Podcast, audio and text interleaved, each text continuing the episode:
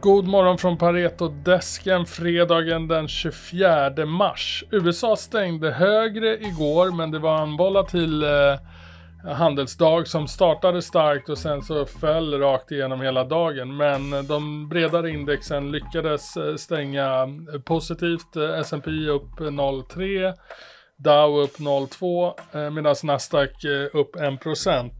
Eh, Russell 2000 som är small och midcap-bolagen stängde ner 0,4.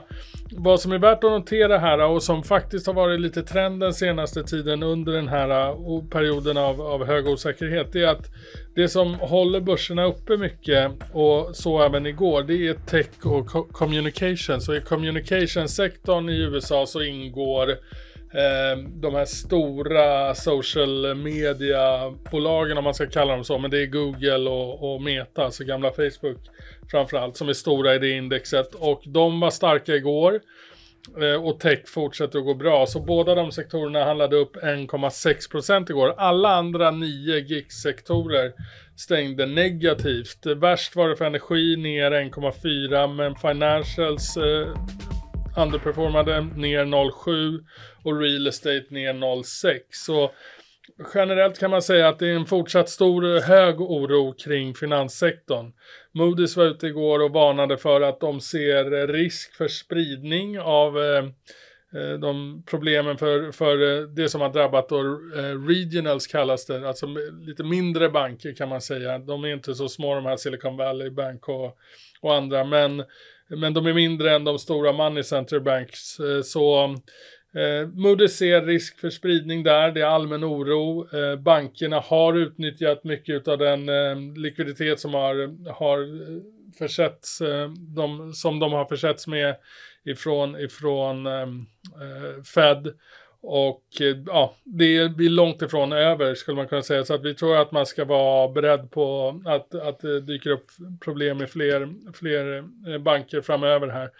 Det syns även i Asien som handlar svagare idag nu på morgonen här och det är framförallt Financial som tynger det. Eh, amerikanska futures för S&P och Nasdaq är marginellt högre på morgonen. Eh, här på Pareto på morgonmötet har vi pratat Sobi och med oss för att summera det har vi analytiker Peter Östling.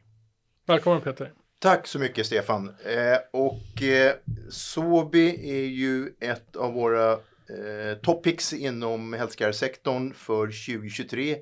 Och en av anledningarna till att det är det är ju lite det som Stefan pratade om och det som har hänt här under början av året. Och Eh, den vad ska jag säga, turbulensen som vi tror kommer fortsätta och att vi eventuellt går in i en, eh, i en recension lite senare här under 2023. Eh, det här är ett bolag med väldigt stabila intäkter och vinster.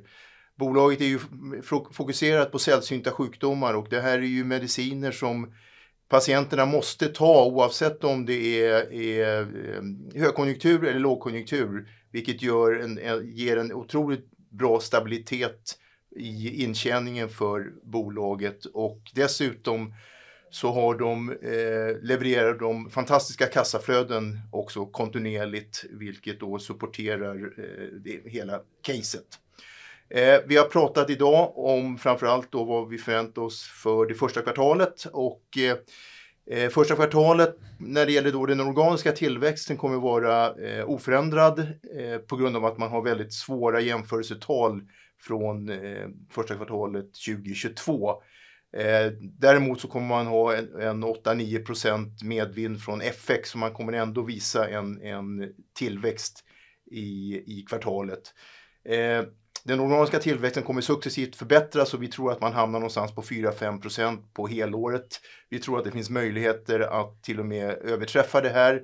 Bolaget är ju känt för att vara väldigt konservativt i sina uh, outlooks tidigt på året och eh, är också känt för att, att oftast överträffa sina uh, outlooks.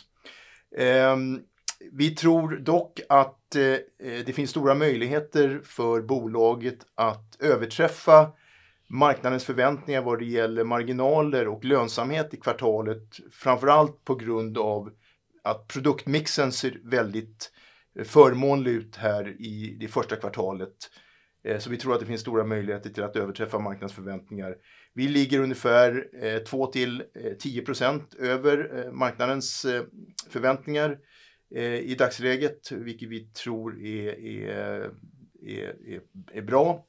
Eh, sen om, om vi tittar på hur kvartalet har varit generellt sett här så har ju bolaget levererat på en lång rad milestones under kvartalet och det här leder eh, ju till att bolaget eh, får lov att betala lite pengar till partners eh, etc. för att man har då eh, flyttat fram projekt och att, att, produkter har sålt bättre än, än förväntat. Och man förvä vi förväntar oss att man kommer betala ungefär 3 miljarder i kvartalet och det fina i, kråksången här är att de här 3 miljarderna finansieras i princip av operationellt kassaflöde i kvartalet och, och, och återigen då be, eh, understryker då den fantastiska kassagenereringen. Eh, bolaget är i dagsläget eh, eh värderas till en, en rabatt jäm, jämfört med sina eh, jämförelsebolag, stora läkemedelsbolag, eh, större biotechbolag, specialty pharmabolag, vilket vi tycker är, är omotiverat med tanke på att vi ser, eller vi förväntar oss att Sobi kommer att leverera både topline och bottomline eh, tillväxt de närmaste 3-4 åren eh, i princip dubbelt mot sin, sin peergrupp. Så vi, vi, eh, vi har en köp på den här och eh, har eh, en oförändrad riktkurs på 280 kronor vilket stöds av både våran samlade och DCF. Tack Peter. Ja, vi ska även ta en eh, kommentar på producentpriser som har kommit från eh, SCB och med oss för att kommentera det har vi Alexander Willval.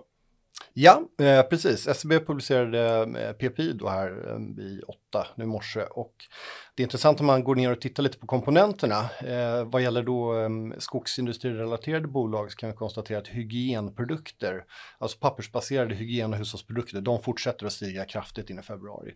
Medan vi har ett rätt kraftigt fall bakom oss vad gäller till exempel trävaror. Det verkar i och för sig ha bottnat ur då, men, men det, ja, det, det har varit en, en störtdykning under andra halvåret, framförallt förra året. Då. Eh, och eh, det tredje benet som är viktigt att ta till sig tycker jag väl att det är massapriserna där vi ser att de fortsätter att falla i februari. Och eh, när vi tittar på bolagen då, som vi följer så är det ju framförallt Essity som vi har som favorit i sektorn. Och de tjänar ju i två ändar på det här, alltså högre utpriser i, i deras produkter och samtidigt får de lägre råvarukostnader för fallande massapriser. Så att det är favoriten. Mycket bra. Tack för det. Ha en bra fredag så hörs vi igen. Bra fredag och bra helg så hörs vi igen på måndag. Tack.